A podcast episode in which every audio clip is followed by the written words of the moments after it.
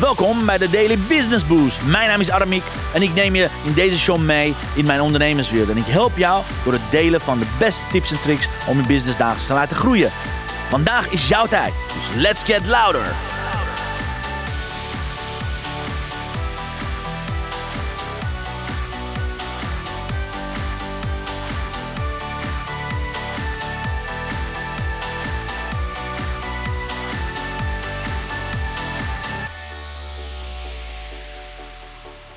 Ja, lieve luisteraar, van harte welkom bij de volgende aflevering. Het is inmiddels aflevering 4 van Atlas, eh, het lang verwachte boek, eindboek over het verhaal van Pa Salt.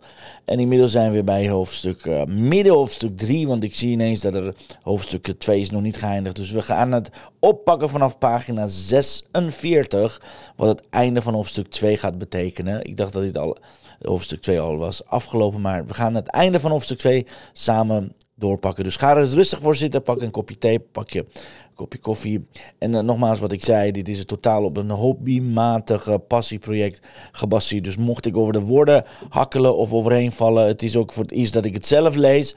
Ik ga het ook in één keer samen met jou doorlezen. Dus fijn dat je op deze reis met me meegaat. Ga lekker inzitten. Ik zou zeggen, enjoy the ride. Vanuit het raam van de eetkamer zag ik Evelien naar het huisje lopen. Ze vertrok altijd naar het opdienen van het hoofdgerecht en liet het dessert en de afwas over aan de dienstmeisjes. Tijdens het eten luisterde ik naar het gebabbel van de familie. Nadine, Nadine, de oudste dochter, was nog niet getrouwd en bracht het grootste deel van haar dag buiten door met een schildersezel, kwasten en een palet. Ik had nog nooit een schilderij van haar gezien en kon natuurlijk ook niet naar haar werk vragen omdat ze maar zo zelden thuis was en helemaal in haar eigen wereld leek op te gaan, had ze maar weinig aandacht voor me. Op een enkele glimlach na als onze wegen elkaar ochtends kruisten. Dan had je Marcel, die me op een dag, die op een dag tegenhield, een hoge borst opzette, zijn handen in zijn zij plaatste, zei dat hij me niet mocht.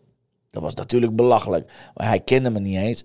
Maar ik had hem een keer tegen zijn jongere zusje François horen zeggen, waarschijnlijk is het Francis, Francis horen zeggen dat ik een hielelikker was, omdat ik voor het avondeten in de keuken liep. Ik snapte best hoe hij zich voelde. Iedereen zou achterdochter zijn als zijn ouders een straatschoffie in huis namen dat ze in de tuin hadden gevonden en dat weigerden te praten. Maar vanaf dat moment dat ik vanuit een kamer beneden prachtige muziek de keuken hoorde binnenvallen, vergaf ik hem alles. Ik stopte met wat ik aan het doen was en bleef als betoverend staan. Papa had op zijn viool alle stukken die hij kende voor me gespeeld. Maar ik had nog nooit het geluid van de pianotoetsen gehoord die zo vakkundig door iemand werden bespeeld. Het, werd, het was schitterend. Vanaf dat moment was ik een beetje geobsedeerd door, door Marcel's vingers en vroeg ik me steeds af hoe die zo snel en in volmaakte volgorde over de toetsen konden gaan.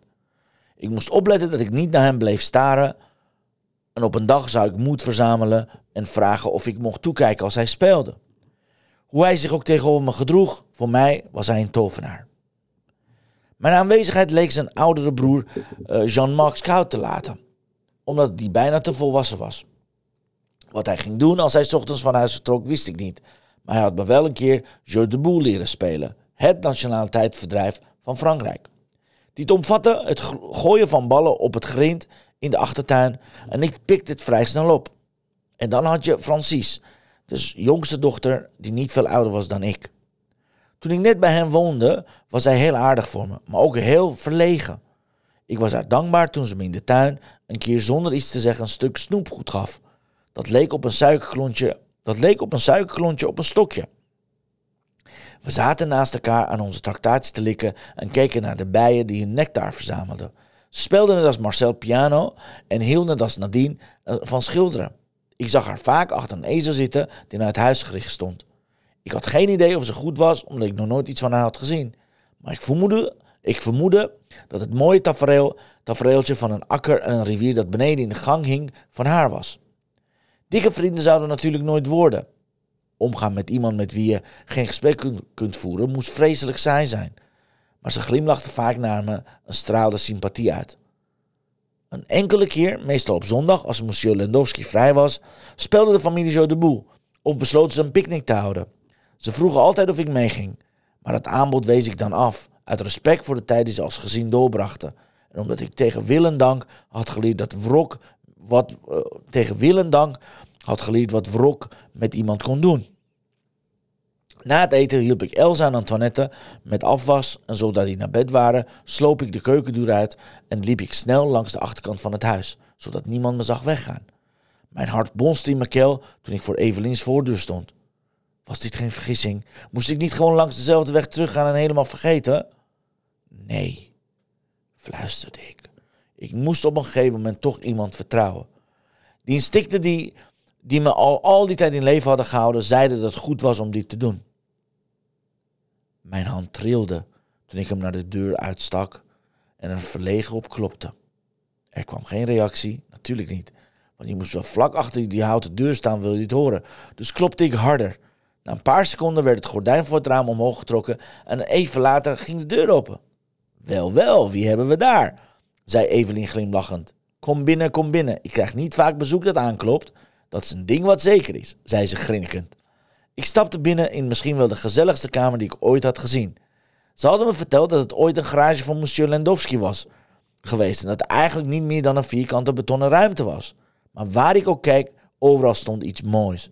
In het midden van de ruimte stonden twee beklede stoelen waar vrolijk gekleurde, geborduurde kiets overheen waren gedrapeerd. Kilts, kilts waren gedrapeerd.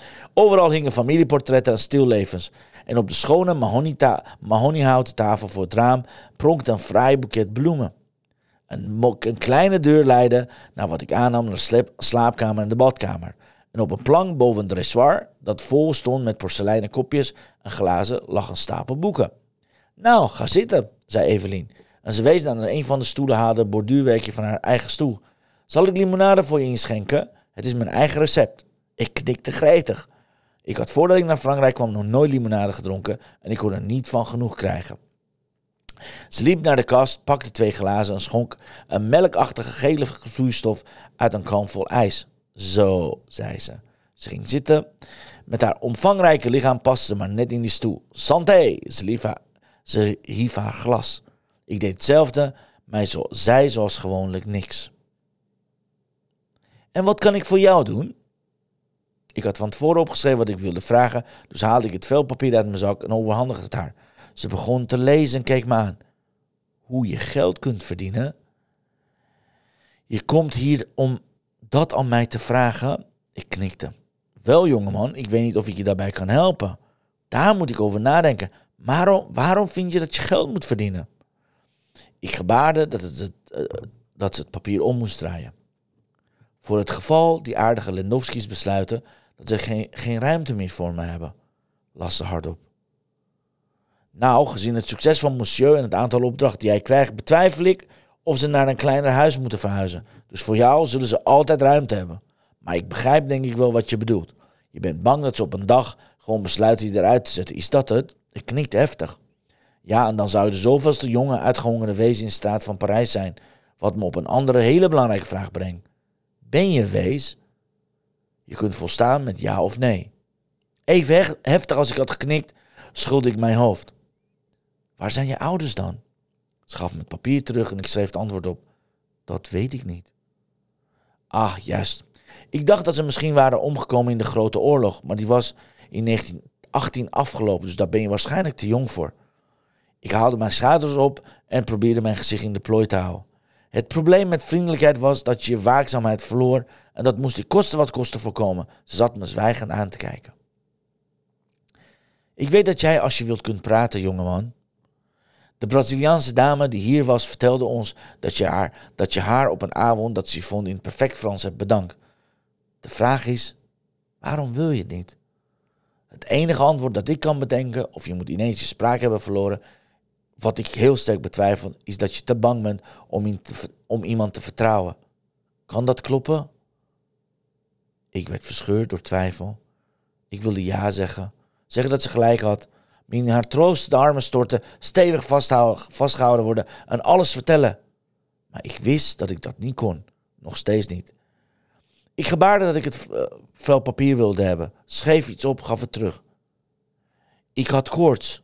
Ik kan me niet herinneren dat ik met Bel heb gepraat. Evelien las mijn reactie en glimlachte na me. Ik begrijp het wel, jongeman. Ik weet dat je liegt, maar je hebt door wat, je, wat voor trauma je ook je vertrouwen verloren. Misschien vertel ik jou iets over mijn leven als we elkaar wat langer kennen. Ik was verpleegster aan het front tijdens de Grote Oorlog. Wat ik daaraan leed heb gezien, vergeet ik nooit. En ja, ik zal eerlijk zijn. Ik heb daardoor een tijd lang mijn geloof en vertrouwen in de menselijke natuur verloren. En in God. Geloof jij in God? Ik knikte, dit keer wat minder heftig. Deels omdat ik niet wist of ze me na de periode van ongeloof wel geloof had teruggevonden. En deels omdat ik het van mezelf niet wist. Jij zou wel eens op hetzelfde punt in je leven kunnen staan als ik destijds. Het heeft behoorlijk lang geduurd voordat ik weer iets van iets of iemand vertrouwde. Weet je wat mijn, wat mijn geloof en vertrouwen heeft teruggegeven? Liefde. Liefde voor mijn dierbare jongen. Die maakte alles goed. Natuurlijk. Liefde komt van God, en hoe je geest ook noemt, die ons in een onzichtbare web met Hem verbindt. Hij zal ons nooit verlaten, ook al hebben we soms wel dat gevoel. Hoe het ook zij, ik vrees dat ik niet echt een antwoord op je vraag heb. Er zwerven zoveel jonge jongens als jij door de staat van Parijs. En ik denk maar liever niet aan de manier waarop zij het weten te overleven. Maar lieve help, ik zou willen dat je me op zijn minst je naam kon toevertrouwen. Ik garandeer dat monsieur en madame Lewandowski goede vriendelijke mensen zijn, die nooit zomaar het huis uit zouden zetten. Ik gebaarde dat ik het papier weer wilde. Ik schreef iets op en gaf er aan haar terug. Wat gaat ze dan met me doen? Nou, als je kon praten zou je definitief mogen blijven wonen, zouden ze je net als andere kinderen naar school sturen. Maar zoals de zaken er nu voor staat, ze haalde haar schouders op, is dat onmogelijk, niet waar? En ik betwijfel of er een school bestaat dat de jongen die niet kan praten zou aannemen, ongeacht zijn opleidingsniveau. Afgaande op wat ik van je heb gezien en zou denken dat je onderwijs hebt genoten. En daarmee zou willen doorgaan. Klopt dat? Ik deed mijn best om mijn schouders op die typische Franse manier op te halen, gebaar waar iedereen in huis een expert leek in te zijn. Het enige wat ik niet van hou zijn leugenaars, jongeman, sprak Evelien me plotseling toe. Ik weet dat je reden hebt om te blijven zwijgen, maar je kunt in ieder geval eerlijk zijn. Wil je verder met je school, ja of nee? Met tegenzin knikte ik. Ha, Evelien sloeg op haar dij. Nou, nu zijn we er. Je moet jezelf precies of je klaar voor bent om te praten. En vanaf dat moment zou je toekomst in huizen Lendowski er een stuk veiliger uitzien. Je zou een normaal kind zijn dat naar normaal school gaat. En ik weet dat je dan van harte welkom blijft in het gezin. Nou, oh, gaapte Evelien. Het is morgen weer vroeg, vroeg dag. Maar ik heb genoten van deze avond en van je gezelschap. Voel je alsjeblieft vrij om wanneer je maar wilt bij mij aan te kloppen, oké? Ik stond onmiddellijk op, knikte dankbaar en liep naar de deur. Evelien stond ook op en liep met me mee. Ik wilde net de knop omdraaien toen ik een paar zachte handen op mijn schouders voelde. Die me omdraaiden en zich om mijn middel vouwden terwijl Evelien me naar zich toe trok. Het enige wat je nodig hebt is een beetje liefde, chérie. Wel te rusten. Wauw, zo eindigt dus hoofdstuk 2. En voor diegenen die uh, tot zover aan het volgen zijn, uh, ik denk dat de kans groot is dat dit Paasalt is. En mocht je hier verwijzingen willen weten over wanneer dit zich heeft afgespeeld, wanneer nou dit jongetje in het verhaal is geweest, inderdaad, kreeg van een aantal van jullie al de suggestie. Het gaat om boek 1 over Maya's verhaal van de zeven zusters. Dus mocht je je geheugen willen opfrissen, daar is uh, Belle samen met Laurent, dat zijn grootouders van Maya, terechtgekomen in Frankrijk. Ze kwam toen uit Brazilië vandaan. En dit is het verhaal rondom het uh, Christusbeeld, wat later in Rio de Janeiro natuurlijk heel groot wordt uitgepakt met een hele prachtige mooie detail uit het boek. Want het beeld heeft de handen, ik ga niet zeggen van wie, maar van een van onze hoofdrolspelers uit boek 1.